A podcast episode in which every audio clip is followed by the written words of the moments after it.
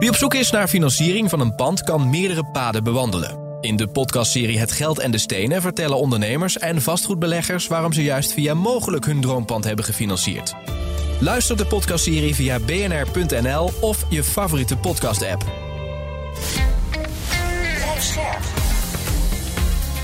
BNR Nieuwsradio. Vastgoed gezocht. Maarten Bouwhuis en Maarten de Gruiter. Hij kocht zijn eerste pand toen hij 22 was. Een appartement in Den Haag. Inmiddels heeft hij een waar vastgoedimperium opgebouwd. Met naar eigen zeggen 150 adressen. De vraag van deze week. Hoe bouwde Tweede Kamerlid Wiebren van Haga zijn vastgoedbedrijf op? En wat wil zijn partij doen aan de woningnood? Dit is vastgoed gezocht, jouw wekelijkse update over de wereld van de stenen. Je hoort ons natuurlijk elke maandagavond om 7 uur op BNR of gewoon online via je eigen podcastplayer. Maarten de Gruiter is mijn co-host, staat uiteraard naast mij. En Maarten, we beginnen met een bericht over de WOZ. Iedereen heeft ondertussen de brief in de bus. We hadden het er vorige week al even over.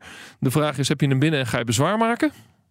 Um, ja, ik ga zeker bezwaar maken. En ik heb, ja, ja, ik heb wel goede hoop hoor. En de overheid zegt nu, uh, staatssecretaris Marnix van Rij via nieuwswatnu.nl melden. Doe dat nou niet via een van de bureautjes, want daar is wat mee aan de hand. Nou ja, de bureaus niet zoveel mee aan de hand voor mij. Maar door de komst van die bureaus die allemaal werken op uh, no-cure, no-pay basis. Ja, is het aantal bezwaren uh, enorm gestegen.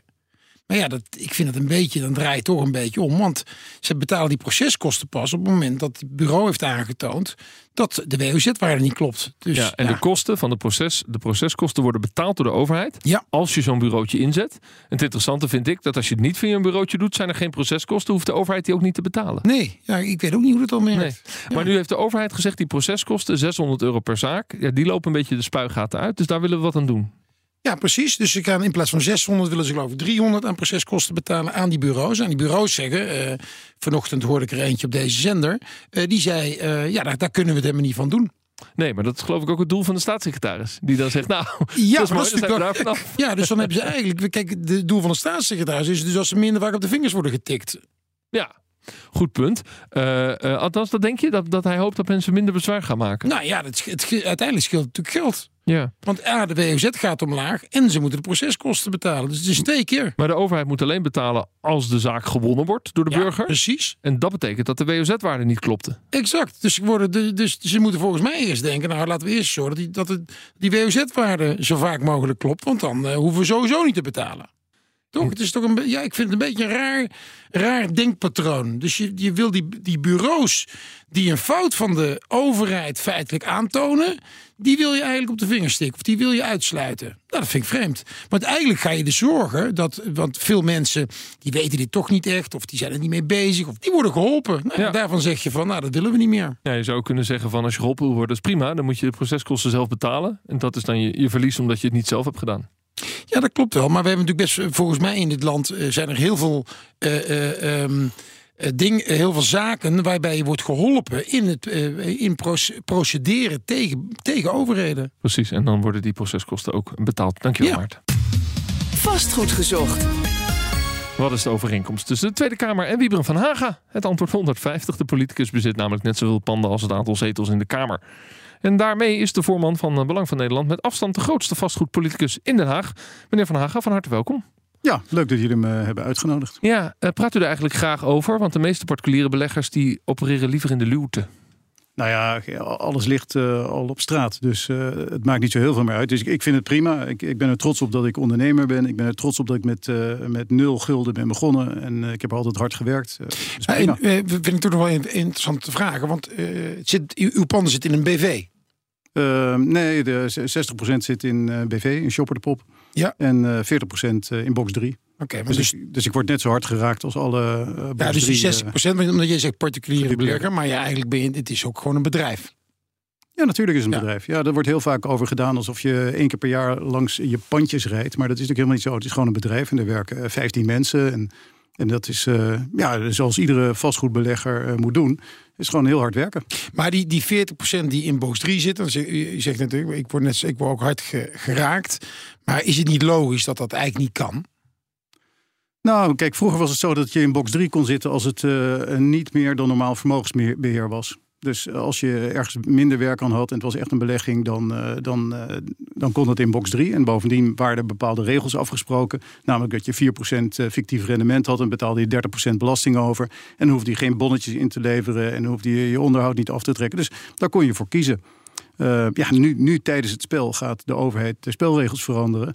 En komen er allerlei bizarre eh, belastingverhogingen. Ja, nu is het totaal niet interessant meer om op box ja. 3 te zitten. Maar, Laten we nee, maar ik, ja, maar... maar ja, ik wil toch, mag ik nog ja, iets vragen? Zeker. Uh, nee, nee, omdat wat, wat ik interessant vind namelijk, ik ben zelf ook vastgoedondernemer. En ik vind het, ik heb ook een paar dingen, overigens dit is geen woningen, maar uh, zakelijk vastgoed, heb ik in box 3. Nou, ik bemoei me daar dus ook helemaal niet mee. Hè? Want dat, is natuurlijk, dat, Ja. dat mag dan ook niet. Maar ik vind het toch heel vreemd. Want ik ben gewoon ondernemer. En is het toch raar dat ik gewoon zo boem, eh, zonder belasting feitelijk in, in privé dat geld krijg. Dus ik vind... maar hoezo zonder belasting? Je betaalt toch gewoon belasting? En nu betaal je zelfs eh, 6,17 Ja, nu wel, maar je betaalt ook veel minder dan dat het gewoon in mijn BV zit. Het, eh, het, eh, het netto rendement op vastgoed was altijd laag, maar het was gewoon steady en stabiel. En daarom hebben heel veel mensen, hè, 800.000 eh, ondernemers, hebben hun, eh, hun pensioen, dat Ja. niet door de overheid wordt geregeld, maar je moet je zelf regelen, in box 3 gedaan. En vaak is het zo dat als je begint met je eerste eh, vastgoedbelegging, dan ga je niet onmiddellijk een BV oprichten. Dus in het begin heb ik dat ook allemaal privé gedaan. Dus dat zit in box Nee, maar 3. er staat er ook tegenover, om dat dan toch even af te maken. En dan gaan we daarna even terugkijken van hoe is het nou allemaal eh, gestart voor u als ondernemer. Maar er staat ook tegenover dat die, die BV die u wel heeft, met die 15 mensen, mag niks doen aan die panden die in box 3 zitten. Waarom niet? Nou ja, omdat je passief moet beleggen. met Die En de panden. BV Dus dan wel, gebruik je alleen de zelf niet. Wat een onzin. Je kan gewoon eh, het beheer van je box 3 eh, panden kun je gewoon uit handen geven. En, eh, dat, Ja, dat maar er de zit het beheer dus via de BV, dat begrijp ik. Daar kun je dan ook nog een factuur voor sturen. Maar het rendement zit particulier in box 3. Ja, natuurlijk. Dat is waar Maarten van zegt. Dat is toch in, in theorie een beetje gek. Nou ja, kijk, ik, ik, ik zit natuurlijk even eh, advocaat van de duivel te spelen. Maar ik begrijp wel dat het voor veel mensen toch... Maar dan begrijp je Eh, dus ook apart dat is. Marnix van Rij, als staatssecretaris van, eh, van Fiscale Zaken, dit nu wil veranderen. Want hij zegt, die maar- voordelen waren dus eigenlijk te groot. Ja, maar waar, waar mij- waar ik tegen ben, is dat alles tegelijk komt. Dus het is voor een hele, hele grote groep mensen is het, natuurlijk- is het niet meer te doen. Omdat zowel met zijn partijgenoot eh, Hugo eh, en hij, hij samen, ja, zijn ze nu zoveel dingen aan het veranderen... dat het natuurlijk echt de verkeerde kant op gaat. Ja. Maar, maar het rendement was natuurlijk niet te groot. Het rendement was realistisch. Hè? En nu krijg je een stapeling aan maatregelen. hè. De leegwaarderatio die er bijvoorbeeld eh, min of meer afgaat. Hè? Tot ze- 62% stijging op je leegwaarderatio. En de meeste mensen zullen niet begrijpen wat het eh, betekent. Maar het betekent een soort afslag. Als je heel weinig huur krijgt, dan kon je vroeger mocht je de helft van de boswaarde rekenen. En dat gaat nu gewoon 62% omhoog in het slechtste geval. Nou, dat is een enorme vermeerdering. Dan krijg je van 4% fictief rendement naar 6,17. Nog een keer 50%. Dan krijg je een verhoging van 30% naar 33% belasting die je over. Dus al die maatregelen bij elkaar, die leiden tot soms wel vijf keer, zes keer zoveel belasting. Nou, als je dan hebt afgesproken met de gemiddelde belegger, jij mag je pensioen in box 3 doen, maar nu gaan we even vijf keer zoveel belasting betalen, dan ben je gewoon Ja. onbehoorlijk bezig. Maar wat, wat, wat betekent het eh, eh, dat ook u een deel van de panden eh, gaat verkopen omdat het niet meer rendeert? Nou, dat betekent dat je op, eh, op eh, heel veel vastgoedbeleggingen eh, in box 3 gewoon verlies gaat maken. Ja, En maar dan hou je ze toch niet aan? Nou, de meeste mensen die ik spreek, die gaan dan uitponden. Dat betekent gewoon bij leeg, als het leeg komt, ga je ze verkopen. Ja, ik vind dat doodzonde, want dat leidt tot een enorme kapitaalvlucht. Het leidt tot afname van het aantal huurwoningen. Want als je een huurwoning verkoopt aan iemand, dan gaat hij er meestal gewoon in wonen. Want verhuren in box 3, dat, dat, dat kan niet meer. Eh, nou, wat ga je met dat geld doen? Dan ga je mee naar het buitenland. Dus echte grote beleggers, die zie ik gewoon nu fiscaal vluchten. Dus eh, er- gebeurt precies het tegenovergestelde van wat Hugo de Jonge beweert dat, er, eh, dat het doel is. Dus het is niet doelmatig, het is niet effectief. Het is gewoon een, een ordinaire greep in de kas van de MKB-belegger die zijn pensioen heeft geregeld in box 3. U was 22 toen u in Den Haag uw eerste appartement kocht. Nou, veel mensen van eh, die leeftijd zullen zich nu afvragen... waar deed die man dat dan destijds van? Nou, heel veel krantenwerken doen. Ehm, op het eh, strand werken in Zandvoort. eh, in het koerhuis uh, koffers sjouwen, studentassistent zijn. En dan ik had 20.000 gulden gespaard. En in die tijd, nou dat was dus 1989 denk ik... eh, was de wachtlijst voor een sociale woning gewoon 15 jaar in Delft. Dus dat kon niet. Hè. We doen nu net alsof de woningmarkt helemaal in paniek is nu. Maar er is altijd in paniek. Um, dus ik dacht, nou dan koop ik wat. En dan kon, je in, kon ik in het Transvaalkwartier in Den Haag... kon ik voor 38.000 gulden een woning kopen... En ik kon een 20.000 gulden inleggen. En de rest heb ik erbij geleend bij de bank. En daar betaalde ik 13% uh, hypotheekrente over. Maar dat was om zelf te gaan wonen? Dat was om zelf te gaan wonen. Ja, en wanneer is dat dan gestart om meer panden te gaan kopen? Om een soort van, ja, toch in het vastgoed te stappen? Ja, nou ja, mijn, uh, mijn uh, openbaring kwam toen ik in dienst moest. Uh, ik weet niet of jullie in dienst zijn geweest. Net niet meer. Nee, jij ook niet? Nee. nee nou, het is gek, hè? Ik, ik kom allemaal mensen van mijn leeftijd tegen en niemand is ooit in dienst geweest. Zelfs nee, ik heb gewoon een nette brief gehad met je hoeft niet meer. Ja, nee, nee ik, jij, ja. jij, bent jong genoeg, maar ja. volgens mij ben jij mijn leeftijd. Ja, maar ik, ik ben, uh, hoe noem je dat, ja, uh, gehandicapt. Ja, precies. ja, net als Mark Rutte. Die, ja, die is ook van 67 en die is niet uh, geweest. Ik weet nog steeds niet waarom niet, maar... nee, maar in ieder geval, ik ging in dienst en, en ja, dan verdiende ik gewoon helemaal niks. Geen pepernoot, ja, een paar honderd, euro, een paar honderd gulden. En toen dacht ik, nou, dan ga ik mijn appartement verhuren. Dus dat heb ik gedaan. En toen dacht ik, hé, hey, dit is wel uh, interessant. Want toen ik terugkwam, dacht ik, nou, dan uh, kan ik weer in mijn woning. Maar dat kon natuurlijk helemaal niet, want een, een huurcontract was voor onbepaalde tijd toen. Ja, en dan denk je, nou oké, ik maak een paar honderd gulden winst op die, uh, op die verhuurconstructie. Dus toen heb ik met een paar vrienden een nieuwe woning gekocht in Den Haag. En toen zijn we daar gaan wonen. Nou, zo is het begonnen.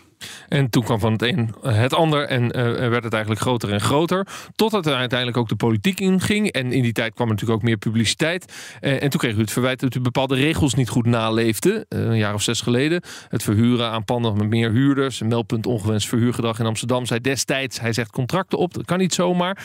en uiteindelijk wordt u dan ook nog 3,5 jaar geleden de VVD-fractie uitgezet. heeft u nou het idee dat, dat u sinds die tijd, laten we zeggen, die regels helemaal volgt en niet meer zo scherp aan de wind vaart? Uh, we hebben nooit uh, scherp aan de wind geva gevaren. Dat, uh, dat zijn nee. wel de, de, althans de dingen die to toen naar buiten kwamen. Nee, maar, maar toch even nog. Hè, want je gaat van één appartement naar twee appartementen. Ja. Daarna ben ik bij Shell gaan werken. Mhm. Mm -hmm. En ik heb bijvoorbeeld drie jaar in een bouwketen in, in Gabon gezeten. Hè, in, midden in de jungle. Ik Mhm. heb vier jaar offshore gezeten. Ten noorden van de Shetlands. horizontale sneeuw elke dag.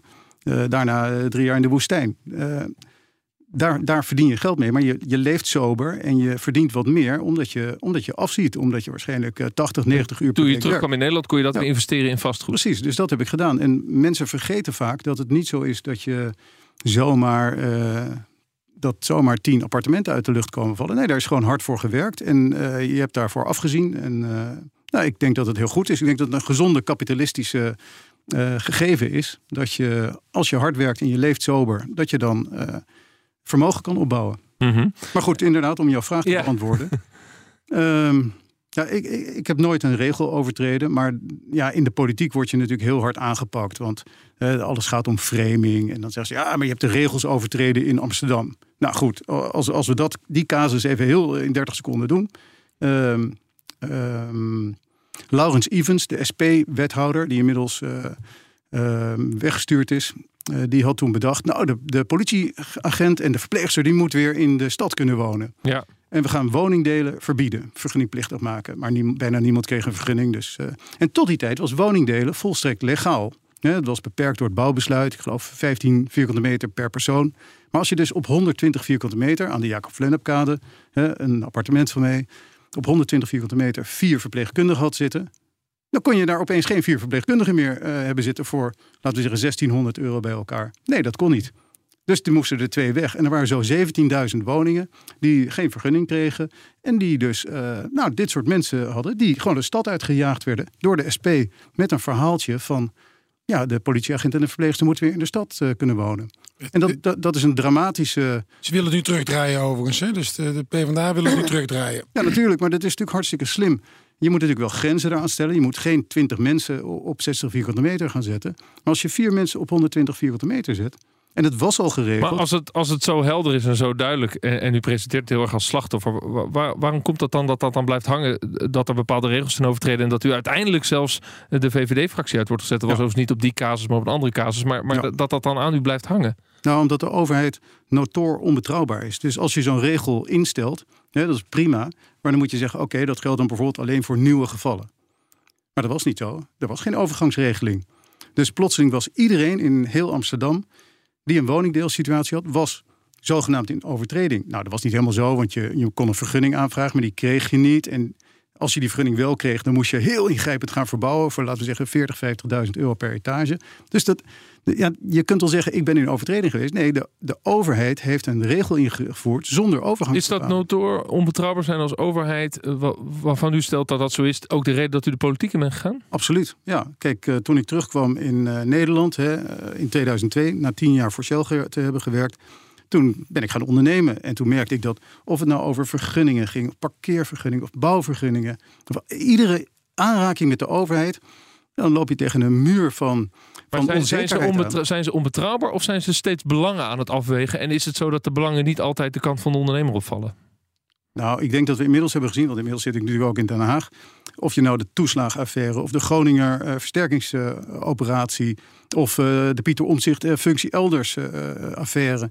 De, de, overheid is notoor onbetrouwbaar en dat moet veranderen in Nederland. En daarom hebben we ook Belang van Nederland opgericht. Wij, wij willen gewoon dat er onbaatzuchtig een normale overheid is die het beste voor heeft met iedereen in Nederland. Okay, nou, wat, hoe uw partij ook die, die woningbouwplannen wil aanpakken, wil ik het straks nog even over hebben. Het kabinet zegt wonen is voor een te grote groep mensen onbetaalbaar geworden. Daar moeten we iets aan doen.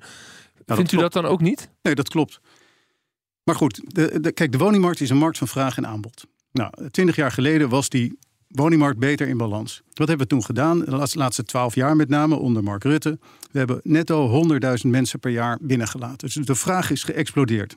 Of je dat nou leuk vindt of niet. Wij, pleiten voor een asielstop. Maar oké, we hebben nu die mensen erbij.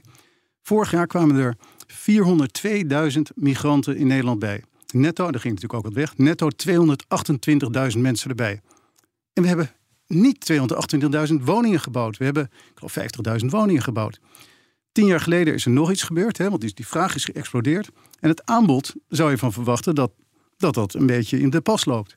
Maar tien jaar geleden is men begonnen met nou, de verhuurdersheffing bijvoorbeeld. Hè. Dus de woningcorporaties gingen niet meer bouwen. We hebben allerlei klimaateisen gesteld. Hè. Uh, warmtepompen, gasloos bouwen. We hebben sociale woningseisen gesteld aan particulieren. 40, 40, 20 bouwen. Uiteindelijk uh, zegt de markt dan, bekijk het maar. Wij gaan wel in Duitsland of in België bouwen... waar ze allemaal niet van die debiele eisen stellen. En, dan, uh, en daardoor is, is, is, de, is het aanbod gewoon niet gegroeid. En dat is een, een onbalans in de woningmarkt... die inderdaad ongelooflijk is. Waardoor inderdaad de huren te hoog zijn geworden. Maar dat is niet te wijten aan de markt. Dat is niet te wijten aan de particuliere belegger. Dat is gewoon te wijten aan diezelfde onbetrouwbare overheid. De, de, paradox is natuurlijk dat die, die hoge huren heeft u als ondernemer weer baat bij. Um, nou, nee, want een ondernemer wil gewoon een stabiele huurder. En een, een, een, huurder die blij is. Dus dit is voor niemand is dit goed. En sterker nog, de maatregelen die er nu worden genomen, is helemaal niet, zijn helemaal niet goed voor, eh, voor de ondernemer. Nee. Um, het um, vastgoed van uh, Kamerlid Wieberen van Haga. Daarover gaat het in deze aflevering van Vastgoed gezocht. Zijn partij, Belang van Nederland, uh, doet in uh, alle twaalf provincies mee met de statenverkiezingen en ook nog in 18 waterschappen. Collega John van Schagen zet de BVNL-standpunten over wonen op een rij. We pakken het verkiezingsprogramma van BVNL erbij. Dat vind je trouwens gewoon op de website en scrollen naar het hoofdstukje wonen. BVNL stelt een paar dingen voor. Minder immigratie. Nou, dat standpunt kennen we. En dan even verderop: bouwen, bouwen en nog eens bouwen. Binnenstedelijk waar dat kan en in snippergroen rondom de grote steden. Zometeen maar eens vragen wat dat laatste precies betekent. Het stikstofbeleid. Dat kan wat Van Haga betreft de prullenbak in. En om dat voor elkaar te krijgen moeten we af van de zogeheten Natura 2000 gebieden, zo vindt hij. Over doorstroming zegt BVNL dit. We willen dat er woningen vrijkomen door een betere doorstroming. Onder meer door het heropenen van bejaardencentra, waardoor senioren goede zorg krijgen en er woningen vrijkomen. En dan verder nog iets over woningen splitsen. Dat moet vaker mogelijk worden en woningdelen is wat BVNL betreft niet langer taboe. Tot slot dan, het ruimtegebrek in Nederland. Dat wil de partij oplossen door middel van hoogbouw. Want, zo stellen ze er, dan hoeven er ook geen boeren meer onteigend te worden op oneigenlijke gronden. John van Schagen dus, eh, dankjewel. Snippergroen rondom grote steden, wat bedoelen jullie daarmee? Nou, dat komt eigenlijk uit een uh, plan van Max van Aarschot. Uh, in, dit was de stadsbouwmeester in Haarlem. En die heeft op een gegeven moment een plan gemaakt om, nou, voornamelijk binnenstedelijk hoor, was dat. Uh, op plekken waar snippergroen is of waar, waarbij het een stedenbouwkundige verbetering uh, is, om daar woningen te bouwen. En tot mijn, tot mijn verbazing kon hij 15.000 woningen in Haarlem creëren Zonder dat er eigenlijk iets voor, voor gesloopt hoeft te worden. Zonder dat Maar er- snippergroen is groen wat niet echt een functie heeft, maar wat toevallig groen is. Ja, precies. En eh, de gemeente Haarlem heeft ook wel wat weilanden hier en daar in, in bezit. Eh, en daar, daar kun je natuurlijk gewoon zonder dat je boeren hoeft lastig te vallen, kun je daar wat mee doen. Is dat, is dat een beetje het idee wat, waar volgens mij ook de jonge mensen gekomen... Dat je, dat, je, ieder- dat je aan iedere wijk een straat extra zet of aan de buitenkant van de stad? Nou ja, vroeger toen de partij nog, eh, Partij van de Arbeid nog gewoon voor de arbeiders eh, woningen bouwde, werd dat gedaan natuurlijk. Heel, heel eh, Oud-West en de Pijp, het is allemaal, allemaal eh, neergezet. Ja, maar dat waren wel boerenweilanden hoor. Die, die, Ja, ja nee, dat is natuurlijk, natuurlijk waar. Maar als ik, ja, ik ken de Haarlemse situatie beter dan de Amsterdamse situatie. Ja, maar ik kan me niet zoveel snippergroen voorstellen, want ik woon toevallig in Haarlem. Maar, Nou ja, maar het is natuur aan de ene kant en Schiphol aan de andere kant. Ja, nou ja, kijk, tussen, tussen Haarlem en Amsterdam heb je genoeg mogelijkheden. Maar ik denk dat je. Waar het voor- zijn inbreidingslocaties eigenlijk, hè, waar je het Ja, over hebt. ja, natuurlijk. Maar kijk, je, je kunt zoveel eh, huizen, zoveel vierkante meters creëren... door gewoon slimmer om te gaan met de bestaande ruimte. Door bijvoorbeeld het optoppen van, eh, van, van bestaande woningen. Dat is helemaal niet zo'n groot probleem. Maar het wordt in Amsterdam en Haarlem gewoon niet toegestaan. Het splitsen van grotere woningen wordt niet toegestaan. Er is een splitsingsverbod van... oh jee, er zou maar eens iemand wat aan, eh, aan, aan eh, kunnen verdienen. Nou ja, er zijn ook gemeenten, bijvoorbeeld de gemeente Bergen, eh, die hebben gezegd de, de leesjes voor het splitsen van een woning zijn nul. Want we willen dat stimuleren, maar dat doet in de praktijk dus bijna niemand. Want ja, dat zijn villa-wijken. Wie gaat daar een woning splitsen? Ja, dat, dat, is, dat is raar. Want eh, ik, eh, ik heb in het verleden heel vaak geprobeerd woningen te splitsen. Dat lukt nooit. Ik heb ook Ja. heel vaak geprobeerd woningen te transformeren. Dat lukt af en toe als je een hele welwillende ambtenaar hebt. Maar meestal ja, zegt er een, een of andere transformatienota in een gemeente zegt van eh, nou dat mag. En dan vervolgens zeggen ze nee, het bestemmingsplan kan niet. Of eh, parkeernorm werkt tegen. om, om natuurlijk echt stappen te zetten nu, hè, want als je gaat kijken, bijvoorbeeld de transformatie in, in Nederland is wel heel veel al getransformeerd. Hè. Er blijft niet heel veel over om nog te transformeren. Zullen we natuurlijk toch moeten hebben van gewoon echt nieuwbouw. Ja. Dus, dus Ja. op zowel inbreiding als buiten de stad, maar gewoon nieuwbouw. Ja, daarom bouwen, bouwen, bouwen. Maar dat is, dat is feitelijk ook wat Hugo zegt. Alleen eh, hij, legt, hij, stopt zijn tijd in veel andere dingen. Maar als je gaat kijken, zegt hij eigenlijk, maar de echte oplossing is bouwen. Ja, alleen we hebben natuurlijk eh, in de afgelopen periode hebben de, de corporaties min of meer hun geld afgepakt door de verhuurdersheffing. Nou, dus die zijn gestopt met bouwen. Dat moet weer een beetje op gang komen. En Hugo de Jonge maakt het volstrekt onaantrekkelijk voor de particuliere markt, voor de commerciële markt, om nog iets te bouwen. En dat heeft voornamelijk te maken met eh, de regulering van de middenhuur. Hè, voor sociale woningen, daar, daar zit al een onrendabele top op. Maar nu komt dat ook nog op de middenhuur te zitten. Dus dan, ja, wa- waar, waar moet de, de commerciële markt dan voor bouwen? Voor Ja. verlies? Dat gaan we niet doen. hebben we natuurlijk in, deze, in, de, in dit programma vaak over gehad. Nog even naar het stikstof toe. Nederland is met eh, afstand de grootste uitstoter van eh, stikstof in Europa. En we moeten ons als EU-lid natuurlijk gewoon houden aan die Europese wetgeving. Wellicht is het zo dat ook de Natura 2000 en de natuur in Nederland daar ook wel een beetje om vraagt, zonder dat ze een stem hebben. Eh, toch wil uw partij dat eigenlijk negeren. Nou, negeren. Kijk, ik ben, ik ben gewoon een ingenieur en ik kijk gewoon naar wat is stikstof nou precies. Hè, en dan hebben we het in het geval van de boeren het voornamelijk over ammoniak. Nou, als ammoniakdepositie plaatsvindt op een, eh, op een zandvlakte, dan is dat gewoon voedsel voor de bodem, bodem. En dan krijg je uiteindelijk een berkenbos of een eikenbos.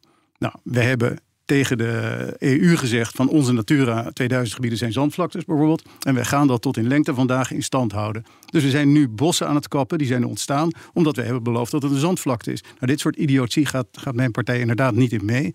En zeker niet als je dan zegt, we hebben een ARIES-model waarvan de Universiteit van Wageningen al heeft keer op keer aangetoond dat het een, een zinloos model is, dat het niet gebruikt mag worden voor eh, de vergunningsverlening. En je gaat op basis van het niet werkende ARIES-model ga je vergunningen eh, intrekken of vergunningen niet verlenen. Dat is gewoon stupiditeit. Dan ben je zijn- jezelf in de voet aan Wij het zijn toch ook het enige land in de EU die het op deze manier in zijn wetgeving heeft. eh, Nou, in ieder geval weet ik dat, eh, dat bijvoorbeeld Duitsland een stikstofnorm heeft die, die ik geloof 160 keer zo hoog Ja. is als Maar die van er, Nederland. Er zijn, eigenlijk twee, er zijn eigenlijk twee uitdagingen hierin. A, eh, de hoeveelheid biologen die zeggen... eh, let op, eh, heel veel grote en kleine stukken natuur in Nederland...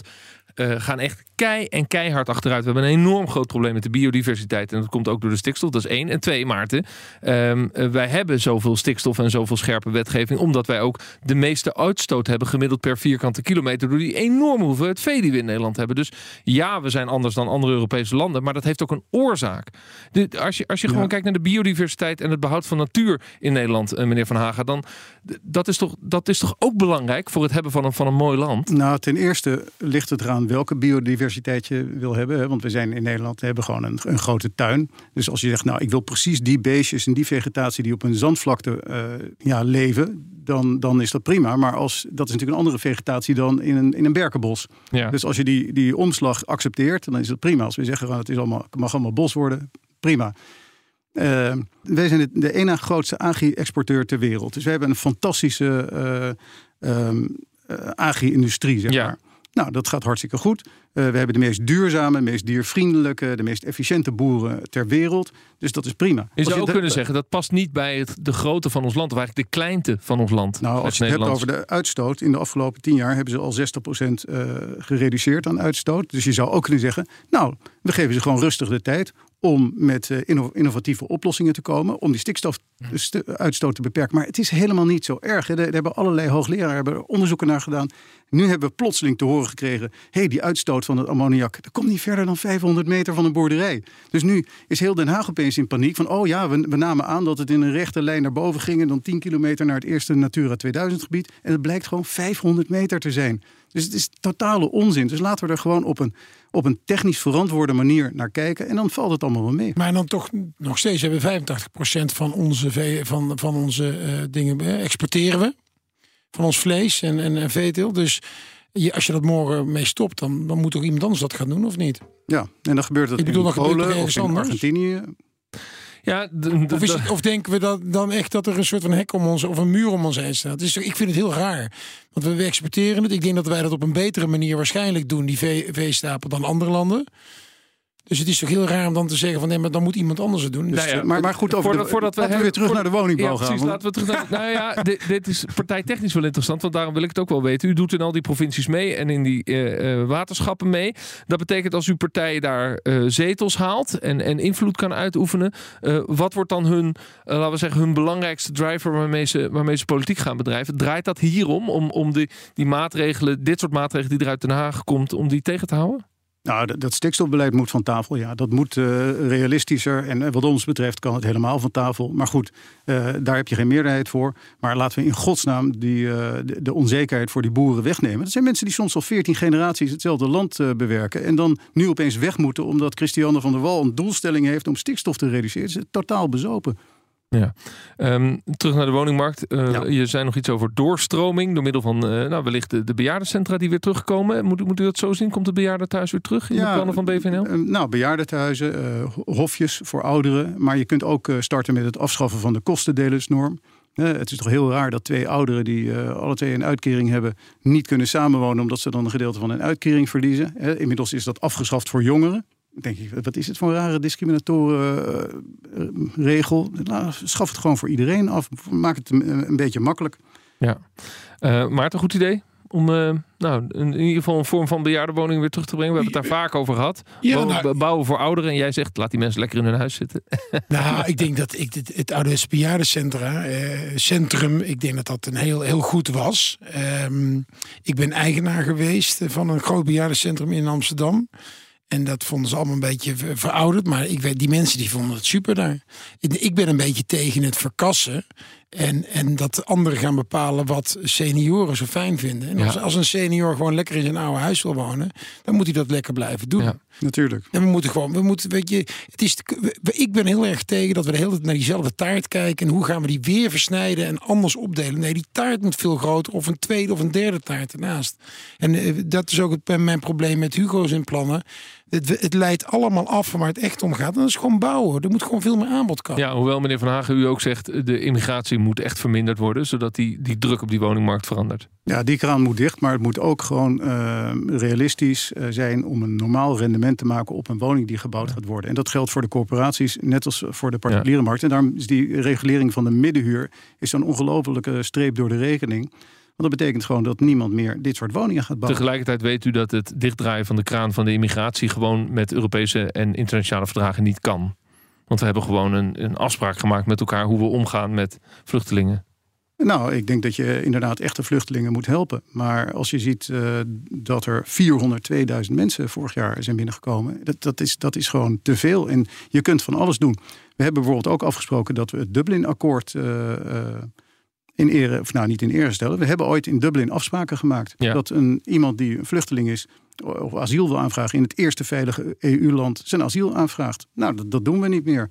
Uh, we kunnen dat vluchtelingenverdrag uit 1951, dat heel anders was ingestoken dan het nu wordt gebruikt, kunnen we opzeggen. Dat kan gewoon. We zijn een soeverein land. Ja, dat is prima. Maar goed, dat, dat geeft ons wel even een andere positie in de inter internationale wereldorde. De vraag is of dat een goed nou, idee is. Ik, ik geloof dat. U heeft zelf bij Shell gewerkt. U weet hoe belangrijk het is om internationaal, laten we zeggen, een goede positie te hebben, geopolitiek gezien. Ja, nou, dan is het toch niet handig om eenzijdige verdragen op te zetten? Ik denk niet dat Denemarken een slechtere positie heeft omdat ze iets strenger uh, in hun asielprocedure zijn. We krijgen ook. Wij, wij, hebben zo'n zo enorm uh, hoeveelheid poolfactoren in Nederland. Je, je, krijgt meteen een uitkering, je krijgt een gratis huis. Bij voorrang een sociale woning. Dat is ook wel iets heel raars. Ik bedoel, als je dat dan vindt, dan is toch iedereen gelijk. En dan krijgt toch iedereen die recht erop heeft een sociale woning. Als je van de trap valt en je bent 80, waarom zou je achtergesteld worden op iemand die, die net binnenkomt en 20 is en prima kan lopen. Ik, ik begrijp dat niet. Ja, de vraag is of dat zo is. Maar in, in ieder geval, uh, uw standpunten vanuit BVNL voor de komende verkiezingen uh, heeft u kunnen delen. En uw uitleg over uw, uw, vastgoedbedrijf. Succes daarmee. Succes met de politieke carrière. Fijn dat u bij ons te gast was. Wat neem je mee, Maart? Nou ja, wat ik nog wel even. Ik, mag ik nog een vraag stellen? Ja, wat ik toch interessant vind als ik kijk naar uw cv. Hè, TU in Delft ook nog uh, propenduizen uh, rechten gedaan. In allemaal mooie landen gezeten, ondernemer. Het moet het toch vreselijk zijn om in de Tweede Kamer te zitten? Als je nou, zoveel leuke dingen hebt gedaan. Dat is een hele goede vraag. Het is ook vreselijk. Het is echt verschrikkelijk. De, de doelmatigheid en de effectiviteit in zo'n Tweede Kamer is echt beneden het, uh, het nulpunt. En ja, ik, ik denk, en daarom, kijk, we hebben 6500 leden bij BVNL. Dat zijn allemaal ondernemers die er genoeg van hebben. Die zeggen, jongens, we hebben het heel lang aan de politiek overgelaten. Maar nu gaan we gewoon zelf, zelf meedoen. Want het gaat allemaal mis. Ieder onderwerp dat je nu, uh, nu bekijkt, hè, dat, dat sinds uh, de laatste twaalf jaar is is op de rails gezet, is een crisis. De asielcrisis, de woningcrisis, de stikstofcrisis, CO2-crisis, klimaatcrisis, uh, oorlog in Oekraïne, waar we ons, ons hele defensieapparatuur of apparaat voor aan het uitputten zijn. Alles is een crisis. Dus de, de hardwerkende Nederlander wil gewoon iets anders. Begrijpt u dat? Hè? Want voor mij, ik, alles, veel van wat u zegt, uh, ik zou zomaar op u kunnen stemmen. Nou, dankjewel. Maar, maar, maar begrijpt u dat het feit dat u bij Forum heeft gezeten, dat dat voor mij een reden is om dat nooit te doen? Ja, dat is misschien ook de reden dat ik op weinig feestjes meer word uitgenodigd. Maar eh, laat ik wel zijn, ik heb 38 jaar bij de VVD gezeten. Met veel plezier, tot ik eruit werd eh, gegooid. Ik heb vijf maanden bij Forum gezeten. En ook met veel plezier moet ik zeggen, want het zijn echt niet allemaal gekken. Maar ja, uh, Forum bedrijft op een andere manier politiek. En daarom ben ik daar ook weggegaan. En daarom hebben wij nu ook gewoon een klassiek liberale, cultureel conservatieve, economische rechtse partij op. En een gewone ledenpartij. Absoluut, ja. En de leden zijn de baas. En, en, als zij willen dat ik wegga, dan ga ik weg. Goed, Lieberen van Haga, succes, Tweede Kamerlid en dus ook actief uh, in het vastgoed. Uh, bedankt voor uw komst naar de studio. We zijn de volgende week uiteraard met een nieuwe aflevering. Abonneer via Spotify, BNR-app, onze podcast. Dan krijg je elke week een melding als er weer een aflevering klaar staat. Bedankt voor het luisteren. Dag. Vastgoed gezocht wordt gesponsord door Mogelijk. Mogelijk. Vastgoedfinanciering voor ondernemend Nederland.